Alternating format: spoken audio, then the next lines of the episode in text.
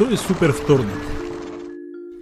Повеќе држави ќе одржат прелиминарни избори во вторник 5 март, отколку во кој било друг ден во овој изборен циклус.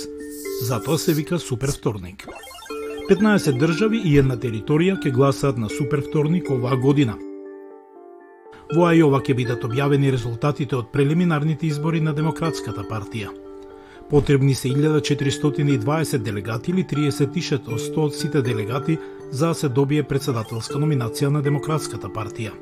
Потребни се 1215 делегати или 50% од сите делегати за да се добие председателска номинација на Републиканската партија. Фразата супер вторник се појавила дури во 1976 година. Бил Клинтон добил засилување на супер вторник во 1992 година на пат кон Белата куќа. Во 2000 година и демократот Ал Гор и републиканецот Џорџ Буш практично ги освоиле своите партиски номинации со победи на Супер вторник. Во 2016 година републиканецот Доналд Трамп победи на 7 од 10 надпревари за Супер вторник на патот да ја добие партиската номинација.